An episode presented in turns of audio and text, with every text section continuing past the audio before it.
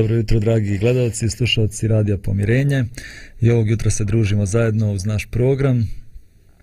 Pozdravljamo u našem studiju kolege i koleginicu Draganu i Zdravka. Danas ćemo imati jednu zanimljivu emisiju. Pričat ćemo o nečemu što nas sve često opterećuje, a to je pitanje oprostiti ili se osvetiti.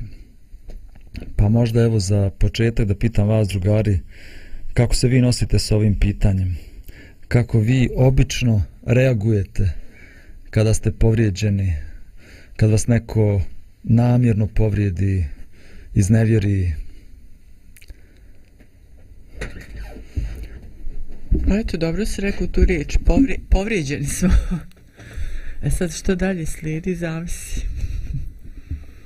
Ali uglavnom, mislim, ne, ne vraćam, nego jednostavno gledam kako, kako da iz te situacije uh, ne ostanu moje rane tu i da, da ta situacija nema takvog traga jednostavno. Ali, ali želim da osoba jednostavno nauči lekciju da, da više to ne radi ako može a ako ne onda dobro nek radi što hoće ali Pa dobro. Da stavim neku ogradu samo. Da, da, da. Ove, dobro, mi ćemo danas pričati malo jačim osvetama, ali nisu to samo takve neke velike krvne osvete.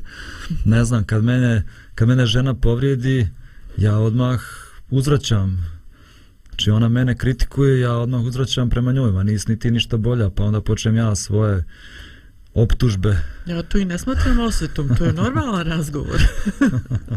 ovaj, najbolje mi ono što kažu mene žena kad povrijedi, ja uđem u špajz i daj jače što mogu, zavrnem sve tegle. wow, kakva osveta. Kakva, možeš misliti kako je maštovito. Dobro. Ovaj, ajde da malo pričamo prvo o tom negativnom negativnoj strani ove naše teme, to je osveta. Uh, pa ćemo sad malo pričati o nekoj žešćoj osveti. Čitao sam, kaže ovako je u novinama nekim 21. maja 2005. godine na ulicama Cetinja dogodilo se ubistvo koje je ponovo ustala sa Crnu goru stravičnim pričama o krvnoj osveti. Tog dana je Rajka Markovića ubio njegov sugrađanin Drago Kaludjerović da bi osvetio svog sina Žarka, ubijenog 14 godina ranije. Kaludjerović je dugo čekao da bi utolio svoju očin, očinsku žalost i ispunio porodičnu obavezu da ubije ubicu svoga sina. Onda je otišao stotinak metara dalje i sebi oduzeo život. Tako je Kaludžerović zatvorio krug osvete jer po starim običajima da se nije ubio, ostala bi obaveza Markovića da kad tad ubiju nekog od Kaludžerovića. I ovdje sam još pročitao da je interesantan običaj da onaj ko želi da izvrši krvnu osvetu, to saopštava tako što na dan sahrane svog ubijenog rođaka nosi bijelu košulju. I to je znak ubici da treba da se krije. Ne znam šta vi mislite o krvnoj osveti. Zašto ona još uvijek postoji? Mislim, živimo u 21. vijeku, a još uvijek čitamo ovakvim pričama krvna osveta. Kakva je reakcija vaša? Pa reakcija je ovaj da čovjek zanijemi. S tim ja ne dajem previše na, na te argumente ovaj, koji je vijek ili tako, jer evo, prošlo vijeku se vidjelo šta je čovjek radio, čovjeku uradili smo dva svjetska rata. Dakle, ne mislim da je svijest nešto posebno ovaj napredovala. Ali ovaj ono što me frapira i čini da zanijemim je, je uh, upravo to uh, to fatalno vjerovanje o nečemu što je toliko zlo i što je nezaustavljivo. Jer e, problem krvne osvete se definiše kao pravda, ali ono je e, nije pravda to je zlo kome se ne vidi kraja. Upravo to, baš zlo kojem se ne vidi kraja. Da. I svi, svaku sljedeći, ovaj, e, postoji veliko pitanje. Da li se prilikom te odluke da se vrati dug, uopšte ima na umu ono što je bio startni e, sukob između te dvojice koji su počeli to, na primjer. Njih dvojice su bili u sukobu i jedan je na neki način usprtio svoga rivala. Šta je to bilo? Je li to bila uh, međa, ružna riječ, uvreda, djevojka? Šta je to bilo? I drugo, da li sve ono što će se desiti nekoliko generacija, jer e, kaže se da u toj tradiciji da su neke krvne osvete trajale nekoliko generacija. E, ta nevjerovatna patnja ljudi koji su stradali samo zato što su imali krvno srodstvo sa, sa, bili su dio familije koje je slijedio sveta, ovaj, dakle u principu bili su nevini. Ovaj, e, taj povod za početak zla e, ja pretpostavljam da se on na neki način i zaboravi. Da se zlo podgrijava, da mu se dodaje nova vatra. To je čisto recimo osvete radi osvete. Nema više onog, onog početnog razloga zbog čega je to stvarno bilo. Ajde da to sahranimo više, da ostavimo u prošlosti. To je već, iako, iako je došlo do neke osvete, nećemo nastavljati dalje, što kažeš u nedogled. Ali kako vrijeme prolazi, nema veze koji je vijek. Jednostavno čovjek je i dalje čovjek. Znači, to, ta borba dobra i zla još uvijek traje i možda se čak i povećava sad u ovo doba, ali, ali još uvijek traje i čovjek uvijek bira. Hm. Da, s tim što je zanimljivo ovo što je Zdravko rekao, što oni to ne doživljavaju kao zlo. Oni to doživljavaju kao nešto dobro, kao nešto pravedno, kao nešto što jednostavno moraju da urade da odbrane čas svoje porodice. Ali ono što je najtragičnije u svemu tome što Dragana ti se rekla, tu nema kraja. Tu nema kraja. To možda se prenosi stotinama godina sa generacije na generaciju i da nikada nema kraja. Uh, možemo da pričamo također i o osveti među narodima. Ne znam, evo mi danas spominjemo nešto što je bilo 1300 i neke godine i pamtimo to 700 godina Da. i kad tad doće prilika da se osvetimo za nešto što se dogodilo ko zna kada. Vidimo i ove naše ratove ovdje. Mi smo oprostili jedni drugima sve što je bilo u drugom svjetskom ratu, ali nismo zaboravili.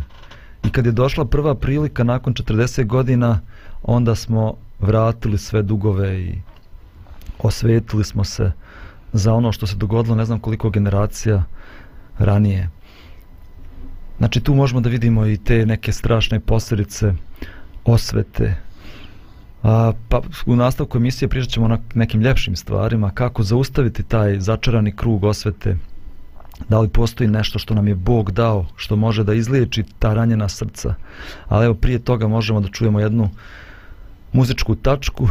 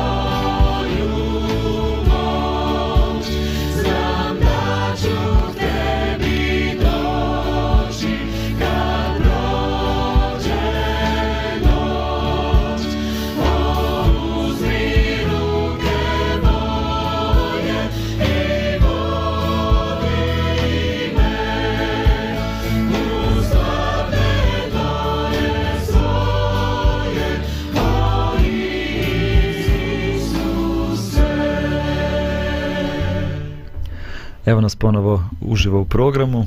Razgovaramo o temi osveta ili oproštenje. Mi svi možemo da se sjetimo nekih primjera osvete, ali to nije neki tako kasni pronalazak. Još na samom početku ljudskog roda se pojavila osveta. Do sada smo pričali o tome u nekim od emisija kako je Bog stvorio ljude sa željom da budu prijatelji, da budu bliski jedni sa drugima, da dijele svoje živote jedni sa drugima. A, međutim, pored svih tih čuda koje je Bog stvorio, ljudi su izmislili jedno svoje čudo, a to čudo se zove osveta. Ti povrijedi mene, ja ću povrijediti tebe. Za svaki najmanji bol koji ja doživim, srazmjerno tome i ti trebaš da doživiš bol. I tako već na samom početku Biblije čitamo o jednom zanimljivom liku koji se zvao Lameh, koji je ovako rekao I reče Lameh svojim ženama Adi i Seli, čujte glas moje žene Lamehove, poslušajte riječi moje, ubiću čovjeka za ranu svoju i mladića za masnicu svoju, kad će se Kajno svetiti sedam puta, Lameh će 77 puta. Lameh je ovaj zakon osvete doveo do nekog ultimativnog Ekstremna verzija. ekstremnu verziju. Kaže, za ranu svoju ja ću ubiti čovjeka. Za, Za masnicu, modricu, za modricu jednu ja ću ubiti čovjeka. Osvetit ću se, kaže, ne jedan puta, nego 77 puta. Šta mislite o tom Lamehovom zakonu? Pa ja se pitam da li on bio normalan. Pa Ja mislim da on ne može s takve probleme Da, ovaj, prvo to. A drugo, ovaj, eh, ja možda, možda mogu da shvatim neke korijene eh, u nekom divljem vremenu kad ne postoji zakontost koja čuva čovjeka, pa postoji znači eh, samo eh, eh, grupe, plemena, ovaj, i jednostavno odvraćamo zlo od nas uh, upravo sa rizikom koju neko poduzima ako nas napada. Kaže, možda je to razumljivo u nekome, nekome prostoru gdje ne funkcioniše gdje ne funkcioniše država. Ovaj, a, ali ovdje mi vidimo nešto što ne govori o nečemu što se zove nužna odbrana. Ovaj, jer zakonodavstvo je uvelo taj pojam nužna odbrana ovaj e, čak sam slušao takve stvari ovaj da kao opravdana je e, upotreba oružja ako imaju tri i više napadača znači ako te dvojica tuku nemaš pravo ali kad je tri i više onda imaš pravo da koristiš oružje ali samo u svrhu odvraćanja znači ne oduzimanja života. Mislim, i sve su to neke ovaj stvari, ne do Bog da zatreba i da se pitaš šta, hoću li ovako ili onako. Ali ovaj, ovo što govori e, ovaj čovjek za koga ti pitaš je ovaj upravo nešto govori o njemu. Znači da on ne traži nikakvu proporciju, nikakvu nužnu odbranu, nego on od sebe zlo odvraća pokušavajući da stvori strah kod drugih od neproporcionalne osvete. Da, upravo, znači, to je neka njegova želja. Ne samo da se osveti, nego da izgradi neki svoj autoritet, da on postane boss, tako da kažem, time što će da... s- Kaži, kaži, Dragana, slobodno. Ovaj, pa ne, završi ti pa će. Da, time što će da, da ulije strah u druge ljude. Ovaj, htjela sam, gledam ovdje to što si pročitao i ne piše ništa o njemu da on razmišljao, da se mučio, da li ja da ovo prestanem, kada, joj, teško mi je, joj, moram ići u neku grupu na odvikavanje od osvete ili ne znam ni ja šta, šta je postojalo u to doba. Nije se obratio ni Bogu, ne piše ovdje sad da piše ono, nego govori ženama, svojim ženama. Hvali se, kao da se hvali. Samo da znate, dame, ja sam onaj pravi baja i vi razglasite, pošto se žene, vi razglasite to okolo gdje god možete, nek se to širi, nek se zna. Ja ne namjeravam da prestanem, nego upravo da, da širim to svoje zlo što više. Pa nije bilo Facebooka, Dragana, nije on to mogu objaviti kao status, onda je morao tako preko žena, preko radio Mileve to da odradi. Ma nije u tom fazonu, to slušalci znaju, nego kažem, upravo on širi, to ne namjerava da prestane s tim. Uopšte. Da, baš tako. I zanimljivo tu tekstu, samo nekoliko tekstova kasnije kaže da se Bog pokajao što je stvorio čovjeka, jer su misli ljudi bile uvijek samo zle. Znači, krenulo se od ubistva brata, pa onda ovaj Lameh koji je bio prvi potomak, kaže ja ću se osvetiti 77 puta za masnicu svoju ubiću čovjeka i do toga da kaže da su misli ljudi bile uvijek samo zle. Znači, posljedica posljedica mržnje uh, osvete nije manje mržnje, nego je to samo još više mržnje, još više osvete, do toga da su misli ljudi stalno ispunjene samo tim zlim, zlim mislima. I na sve to Bog mora ponovo da stvara. Iako je šest dana stvarao i stvorio sve savršeno, Bog je morao još jednom da stvara i obavlja stvara jednu duhovnu operaciju koja se zove oproštenje. Jedina sila koja ima u sebi snagu da pomiri dva zavađena čovjeka, da zacili srce koje je ranjeno, to je, to je sila oproštenja. Pa hajde malo da pričamo o oproštenju. Uh, ima jedan zanimljiv tekst u Novom Zavjetu gdje Petar dolazi kod Isusa i kaže koliko puta trebam da oprostim kad mi neko sagriješi? Jel dovoljno sedam puta? Inače u to vrijeme rabini su učili da treba tri puta oprostiti. A Petar ovo uduplava i još jedan bonus onako daje i kaže jel dovoljno sedam puta da oprostim? A Isus mu kaže ne sedam puta Petre, nego sedam puta sedamdeset. Šta mislite, šta su značile ove, ove Hristove riječi? O čemu on ovdje govori? Pa evo, Isus je tu ekstreman, što je i dobro.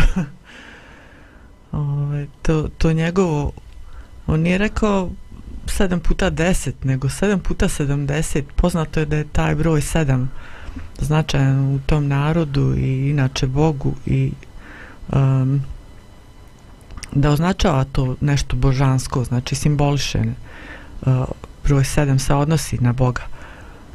I on želi da poveže čovjeka sa Bogom baš u tome što je Petar spominjao oproštenje, znači. I dodaje taj beskraj oproštenja u to sve. Petre, nemoj samo to lišno puta da oprostiš, nego koliko god treba, samo idi naprijed, budi ti ekstreman u tom oproštenju. Mm -hmm, hvala ti. Zrako, što misliš, je li ima veze ovo 7 puta 70 sa ovim lamehom koga smo spominjali? Pa ne znam. Iskreno, Zanimljivo je. Iskreno, ovaj, ne znam. Ovaj, Zanimljivo je da Lameh rekao, ja ću se osvetiti 7 puta 70. Da, očito je, očito je da je poveznica da taj broj jer na neki način odražava puninu. To je ono što sam imao priliku da čitam. Ovaj, e, I ovaj se primjenjuje isti broj koliko će u glavi držati osvetu i zlu volju i isti, ista formula se koristi da kaže e, potrebno je da pređi preko toga, idi dalje, daj priliku. I ovaj, mo, možda to čovjek mora, može da shvati tek u situaciji kad mu se postavi pitanje koliko je puta tebi Bog oprostio. Da, da, to bi trebalo da imamo na umu. E, pa ajde možda da malo da govorimo o tom oproštenju. Zašto je tako teško oprostiti? Jel možete vi iz svog života da ispričate neke primjere kad vam je bilo teško da oprostite? Evo, mogu ja, dok svi uzdišete i sjećate. dok se, dobro, ja, ja sam rak baš emotivno uzda. da, ja sam, prije par godina mi se to dogodilo, a, još uvijek me ta rana boli. A imao sam prijatelja s kojim sam bio baš jako blizak, znači bili smo kao braća. E, puno godina smo ustajali ujutro rano, molili se Bogu zajedno, molili se Bogu jedan za drugoga, zajedno smo radili, e, zajedno smo pokretali mnoge projekte, proputovali cijelu Evropu da bi našli sredstva da pokrenemo socijalno preduzeće, javnu kuhinju. I jednog dana taj prijatelj je došao kod mene i rekao ja želim da svako od nas ide svojim putem. Ti idi svojim putem, ja svojim putem, ja ne želim više da radimo zajedno.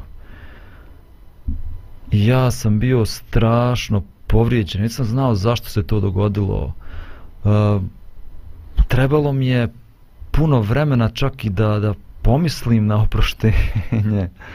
Uh, prekinuo sam, blokirao sam kontakt s njim na, na telefonu, pre, blokirao sam Facebook stranicu njegovu, nisam želio da imam nikakve više veze s njim. Nisam mu želio zlo, ali jednostavno nisam imao snage da oprostim. Evo, prošlo je nekoliko godina i rana još uvijek boli, ne toliko jako kao tada, još uvijek me boli. I nekako spremni sam, evo ujutro se i molim Bogu za njega, ali nekako nemam volje ni da se viđam s njim, ni... Nije jednostavno, nije lako. Oprosti, pogotovo kad je to od nekoga od koga ne očekuješ, kad povreda dođe od nekoga od koga to ne očekuješ. Ko ti je jako blizak. Da, neko ko ti je baš blizak, neko koga smatraš prijateljem. Da je rana još dublja. Ja. Recimo, mene je povrijedio kolega jedan, to je bilo prije nekoliko godina, ne znam nija koliko, ovaj, zato što Mm, nije, nije sam akt toga, nego što on rekao to i, i, i zbog čega je rekao um, nešto nedolično št, m, riječi koje upućuje ženi. Um, I onda je to meni bilo strašno nešto, ja sam se totalno udaljila od njega. I ono grozno bilo, kako on to može, kako je, i s obzirom na sve njegove dobre osobine, pa kako je on to mogao uraditi, pa sigurno je namjerno, nema drugo, znači, pošto sve ostalo i pametan čovjek i sve, znači, ono, ima mnogo dobrih osobina, a ovo zašto, zašto mu je to trebalo u tom trenutku? Zašto je on to ušte rekao? I ništa prolazi vrijeme i ja ono taj otrov se luči u meni, znači ne mogu da oprostim. On, on je kriv, on je ovako, onako, ja to... Ma, ja kako ponavljam u sebi to ono nesvjesno, ja ne znam, neću ja to vjerovatno nikad moći da oprostim, ono 99%, znači ona jedan, eto čisto red reda ajde, kao možda oprostim. Ali ne, ne. I kako vrijeme prolazi, meni te moje riječi unutrašnje, puf, u glavu. Pa Dragana, ako ti nećeš da oprostiš, šta, šta ti očekuješ od drugih ljudi? Šta ti misliš onda o sebi? Da si ti neka faca? Da si ti nekako duhovno uzdignuta i da si, da si bolja od, od te osobe ili od koga? Kad me je to onako udarlo, ja sam bila u šoku. A ja ponavljam to, znači, kao, ma ne, nema šanse, znači, dok, dok se on meni ne izvini, ono, nema, nema to. Ja onako, šta dalje? Znam ja šta dalje, ali teško je dalje. I ovo je ogroman korak za mene, kao da me nešto srušilo, kao da me kad neki kamen ovako puko od ozgo. Šta dalje? Ja moram se molit Bogu, trebam se molit Bogu da ja ozdravim i onda će doći to ozdravljenje između nas dvoje. I onda krenulo je to, taj razgovor sa Bogom, jedan dan, drugi dan, sve češće i češće. I taj, taj teret je samo nestajao iz mene. I to, to je bilo nešto ono, onda vidim da, da je on drugačiji prema meni onda smo postali ponovo prijatelji i sve, ne znam, ne znam, fino, ne fino, nego super, sve se sredilo. mm -hmm. Ne znam, ljudi, meni je ovo, meni je ovo teško, ovaj, dok slušam i postavljam se ulogu ljudi koji su različite boli preživjeli. Mm. I ja sam u životu ovaj, puno puta osjećao povrijeđen i trebalo mi je kraće ili duže vrijeme da shvatim e, da je to bilo prilično subjektivno. Da sam ja učestvovao u kreiranju e, čitave te slike, da sam je ja doradio u svojoj mašti, da sam ja negde možda u, u svojoj nutrini osjećao, a neću reći potrebu da budem povrijeđan, ali sam prihvatio ulogu žrtve, zbog nečega mi je to imponovalo, i onda čovjek kad malo objektivniji bude, ovaj, uh, ti Dragana si jednu stvar rekla fantastično, a to je ovaj e, ti se moliš i onda taj čovjek se drugačije ponaša. Ovaj, ja bih rekao čak, možda se nije bitno drugačije ponašao, ali je tvoje tumačenje ponašanja bilo drugačije. Ali on da. jeste se da. drugačije, pa okay. to, to je da. realno. ok, ovaj, no, ovaj, ja razmišljam i molim se Bogu za one ljude koji su zaista doživjeli tragične stvari. Mm. Neko, neko ko je doživio ovaj, da mu nanese bol gubitka nekoga najbližega. Jer sve ove naše sujete, ostavljenosti, ružne riječi, sve je to oprostara izrazu smiješno pravi junaci vjere i pravi mučenici su oni koji su izgubili nekoga svoga e, koji su doživjeli zlo a neki ljudi su to učinili neki ljudi su izgubili nekog svog i na sobstvene oči. E, tima ljudima je zaista potrebna milost Božja ali to ne govori da im je potreba za oproštenje manja. Jer dogod oproštenje ne dođe neće nestati taj izvor destruktivno, to kancerogeno djelovanje u našoj psihi. Dakle, ja nemam ni malo dvojbe, ni malo sumnje da je oproštenje ultimativna potreba. Ali da je to nekada se zaista čini van dosega ljudske moći, čini se. Ok, Dragana, ti spomenula dvije važne stvari. Ti si govorila i kako i zašto oprostiti. Uh, ajde, samo kažemo zašto oprostiti. Zato što jednostavno oslobađaš sebe gorčine koju nosiš. Izlaziš ti iz zatvora svojih rana. Možeš ponovo da slobodno živiš. Zato je važno oprostiti. Ta osoba druga možda se nikad neće ni promijeniti. Ali ja više ne želim da budem rob gorčine. Da ne mogu da spavam po noći zato što sam opterećen. Želim da budem slobodan i zato je važno oprostiti. Zbog naše vlastite sreće, zbog našeg vlastitog zdravlja ali također se govorila i kako oprostiti, sjetiti se da nismo mi najpravedniji, koliko smo puta mi povrijedili nekog drugoga, koliko puta je neko drugi nama oprostio u konačnici koliko Bog nama prašta. Ajde nastavit ćemo ovu priču posle još jedne muzičke pauze.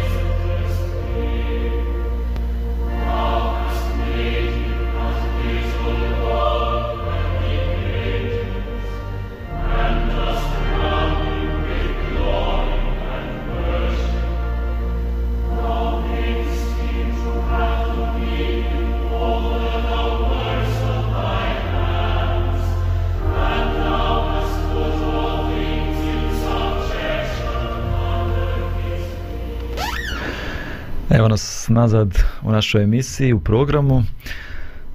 Vjerujemo da i vi imate dilemu često u životu osvetiti se ili oprostiti. Zdravko je spominjao neke baš teške primjere kada je teško oprostiti, kada izgubiš neku voljenu osobu. Ja se sjećam knjige koju je pisao Simon Wiesenthal, knjiga se zove Suncokret. I on to, u toj knjizi on opisuje svoje dane iz logora kada je radio u bolnici, čistio taj medicinski otpad i jednog dana jedna medicinska sestra ga je uhvatila za rukav i odvela ga u jednu prostoriju. Tamo u toj prostoriji je bio jedan njemački vojnik koji je bio ranjen na smrt i ležao na krevetu. I ona mu je rekla kako on je tražio nekog jevrejna kome bi on mogao da se ispovjedi i da mu on da oproštaj. I Vizental je ušao u njegovu prostoriju i ovaj čovjek je počeo da priča kako je otišao u rat.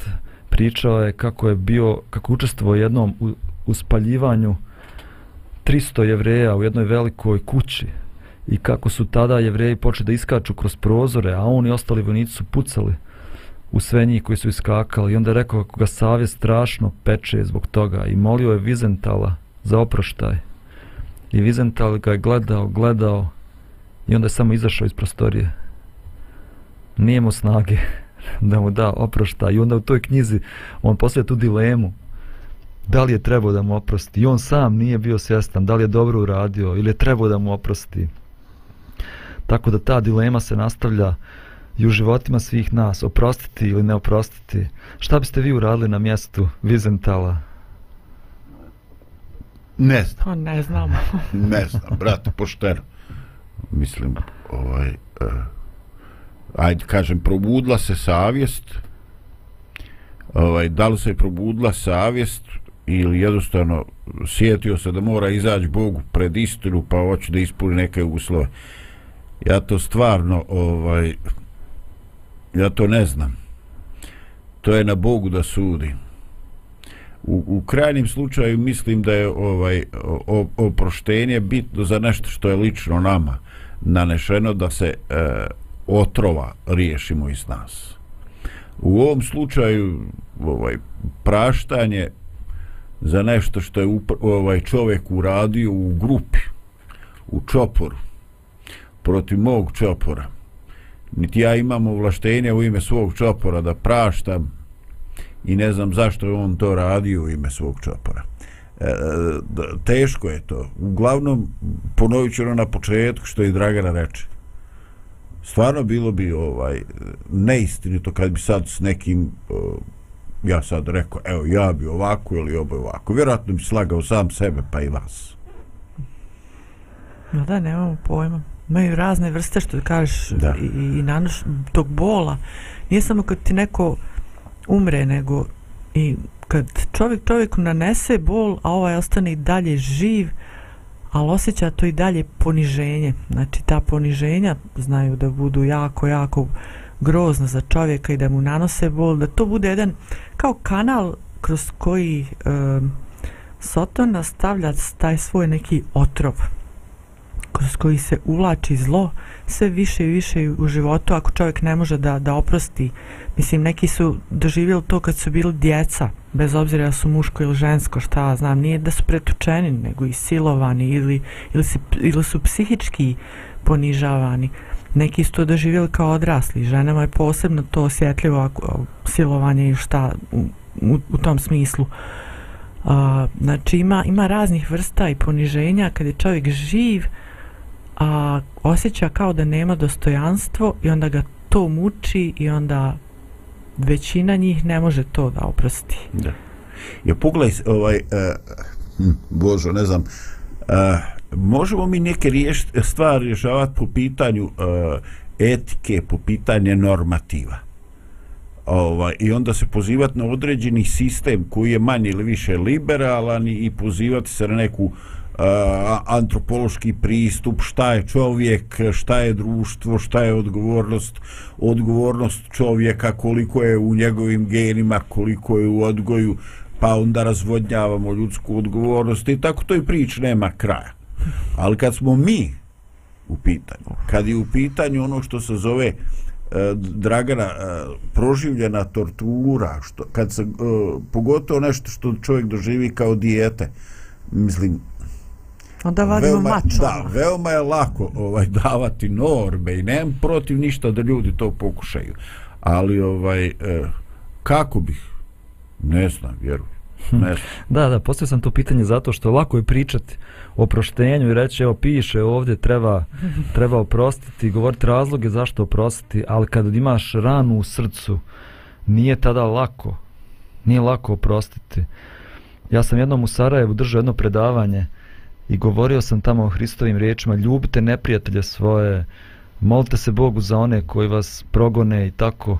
I tu je bio jedan čovjek koji je bio musliman, I on je rekao, super je bilo tvoje predavanje, ali ja jednostavno ne mogu da se poistovjetim sa tim hrišćanskim principima ljubavi prema neprijatelju ili tako radikalnog praštanja, zato što je to za mene nekako slabost. Mm. Da, da, da. Tako je on tada govorio. A možda opet da kažemo, postoje primjeri ljudi koji su se uzdigli iznad toga, koji su bili spremni da oproste najveće rane. I kad se tako nešto dogodi, tada se zlo transformiše u nešto dobro. Znači jedini način da se zlo transformiše je kad, kad ono doživi ljubav, kad doživi nezasluženu ljubav, kad doživi oproštenje, onda se zlo pretvori u nešto dobro i blagoslov za sve ljude. Dok, dok nema toga, a, dok nema ljubavi, dok nema oproštenja, nemoguće je da se zlo zaustavi ili da se zlo transformiše. Ne znam šta mislite o tome. e, upravo žrtva je prinošenje sobstvene žrtve jedini put pobjede e, koji otvara mogućnost da se zlo zaustavi. Ali, nažalost, i na osnovu onoga što čitam u Svetom pismu, nama je jasno da se to zlo neće zaustaviti u, u svim ljudima i da nam se svima valja javiti na sudu Božjem, kaže da primi ko je šta u životu činio. Dakle, definitivna pravda neće biti postignuta ovdje, bez obzira koliko je taj neki sistem razvijen i koliko smo mi moćni u pokušaju da pribavimo pravdu, bilo pravnim ili nekim drugim sredstvima.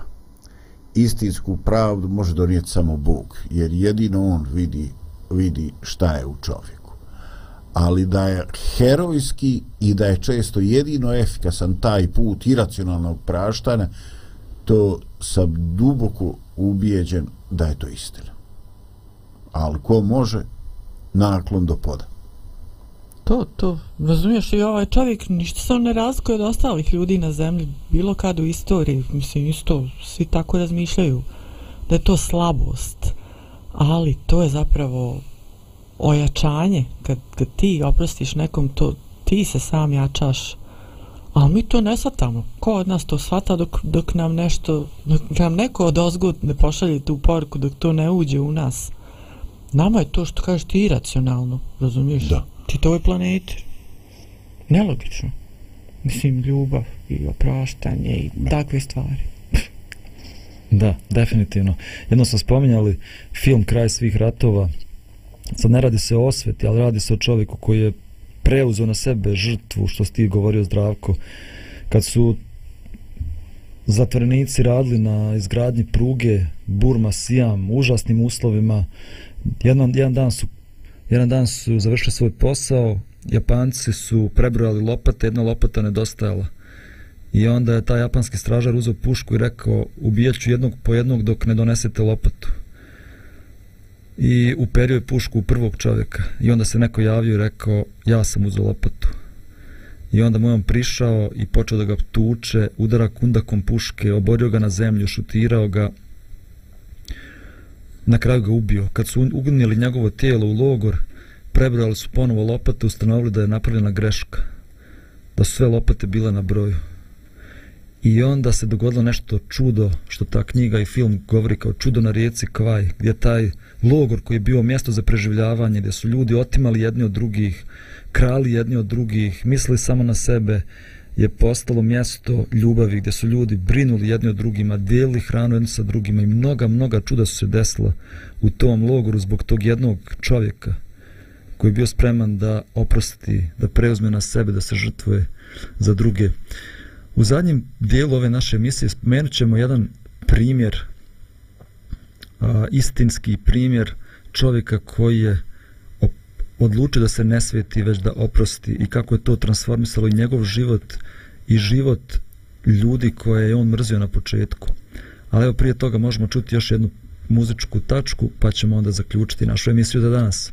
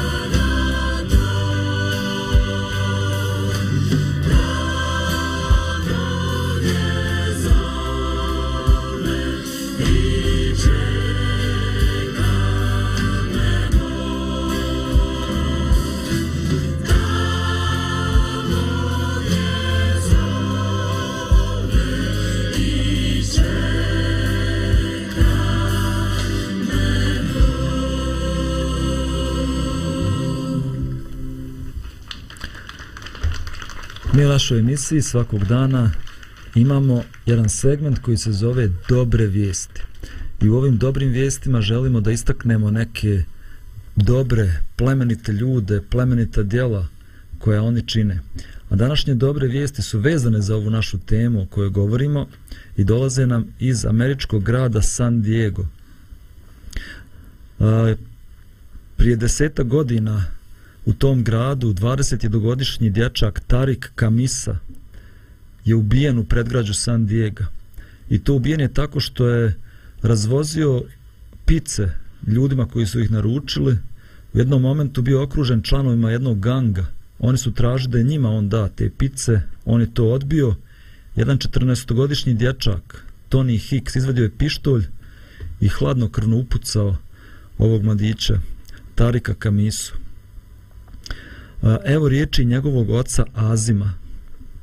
Kad sam prvi put čuo da je Tarik ubijen, osjećao sam se kao da je nuklearna bomba eksplodirala u mom tijelu, kao da sam se razbio u milion dijelića koji se nikada neće spojiti.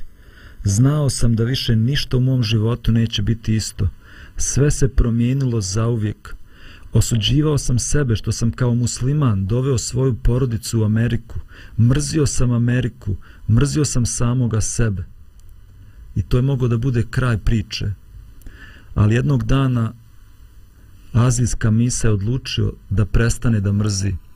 Posjetio je ples Feliksa, dedu, ubice njegovog sina i zajedno su osnovali Tarik Kamisa organizaciju koja se bavi prevencijom nasilja u školama. Tarik i Felix svakog dana posjećuju škole i pričaju studentima o Tarikovoj smrti i o gangovima, da bi pomogli djeci da vide strašne posljedice nasilja u njihovim životima. Kad djeca čuju priču ova dva čovjeka i kad ih vide kako rade zajedno, oni dobijaju nezaboravnu sliku da je oproštenje odgovor na nasilje. I evo šta kaže Aziz, plakaću za Tarikom do kraja života, ali sada je moja žalost transformisana u moćnu želju za pomoć drugoj djeci. Oproštenje je način da slomiš lanac nasilja. Oproštenje je način da slomiš lanac nasilja, da slomiš taj začarani krug mržnje. Ne znam da li imate vi neku poruku na kraju Zašto oprostiti? Zato što je svijet bolji. Ne samo moj svijet unutrašnji, nego i oko mene, i dalje oko mene, i čitav svijet. Mi smo svi povezani.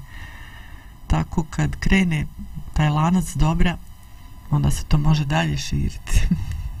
da. Ja ne mogu zaboraviti e, najkrupniju stvar koja me je dotakla.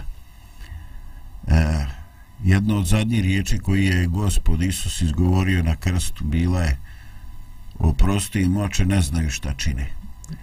E, zlo je uvijek neki oblik pomućenosti e, osjetila ili razuma. I baš zato što je pomućenost što čovjek dolazi pod djelovanje demonskoga e, teško je procijeniti ljudsku krivicu i to treba ostaviti Bogu. I upravo radi toga ovo je nešto teško, nekad se čini nedostižno, ali ovo je nešto što je sastavni dio Božijeg puta. Oprosti i pusti Bogu da sudi. Bolje je da ja oprostim onome kome ne treba jer će ga Bog i onako suditi, nego da ne oprostim nekome za koga Bog procijeni da mu je trebalo oprostiti hvala vam, hvala vam. Bog želi da praštamo, zato što je to najbolji način da živimo. On zahtijeva da oprostimo drugima, zato što je On oprostio nama. On to zahtijeva zato što je to jedina alternativa da ne živiš u zatvoru svojih rana cijeloga života.